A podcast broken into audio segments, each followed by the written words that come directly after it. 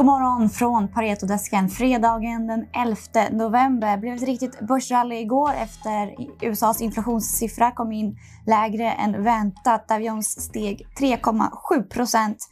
S&P förhandel steg 5,5% och Nasdaq steg 7,4 procent. Techsektorn blev ju den riktiga vinnaren igår. Vi ska prata om ett av våra favorittechbolag här alldeles strax med Georg Rattling. Men jag tänker vi ska nämna inflationen också innan vi går vidare till det. Inflationen kom in på 7,7 procent i oktober, backade från 8,2 procent månaden innan och väntat var att den skulle landa på 8 procent.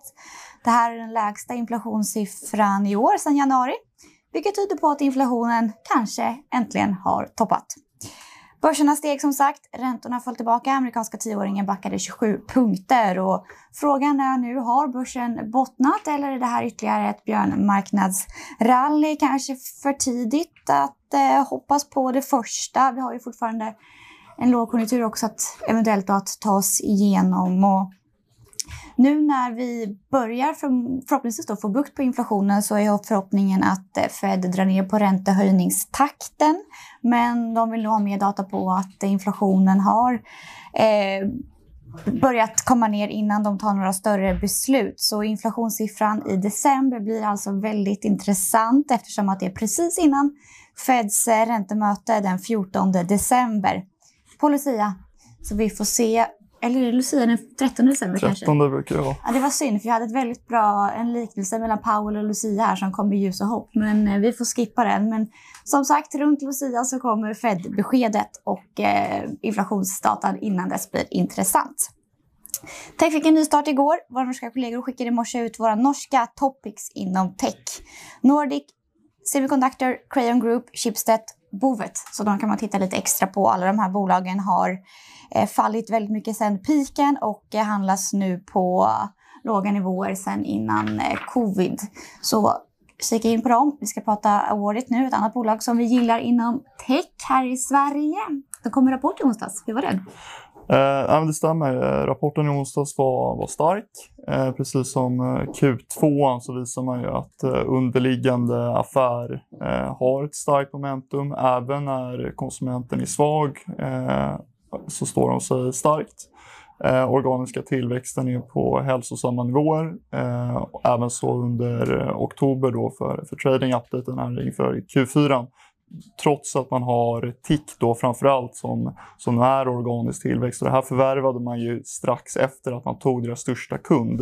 Eh, så om man tittar på liksom den här rena organiska tillväxten är den ännu starkare än den som rapporteras, vilket är ett styrketecken helt klart.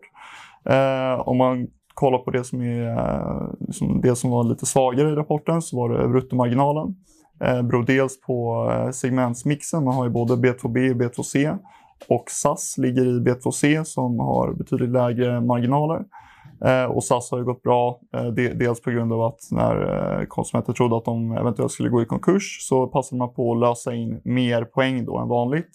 Eh, och sen har ju flygtrafiken varit stark i eh, senaste månaderna här så det har ju bidragit. Eh, och den här kunden då som jag pratade om som man tog då från TIC innan förvärvet, Saint-Gobain, Eh, det, de har lägre bruttomarginal på, på det avtalet än liksom gruppens snitt. Eh, så det pressade också bruttomarginalen en, en aning. Men Uh, tittar man på rapporten som helhet så är de inline på, på topline och strax över på ebitan. Så vi, vi är nöjda med rapporten. Mm, och eh, vi hade ju bolaget på vår techkonferens som presenterade i onsdags. De har ju ganska ny vd, har varit där no i några månader. Mm. Han eh, sa att det fanns stor potential men att eh, det finns också mer optimeringsmöjligheter här att göra. De, och han har ju omstrukturerat lite i management och så. Är det, mm. är det bra? För bolaget? Är det rätt? Eh, nej men absolut. Erik tycker jag är liksom rätt man för, för jobbet nu att driva bolaget framåt. Eh, de har ju gjort eh, som sagt då, ett flertal förvärv de senaste åren.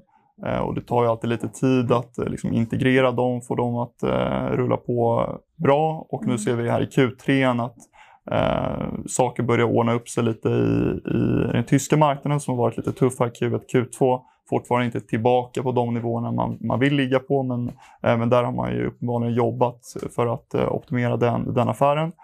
Eh, och sen som alltid vid, vid den här typen av förvärv så vill du ju realisera lite synergier, både på topline men, men kanske också kostnadssynergier.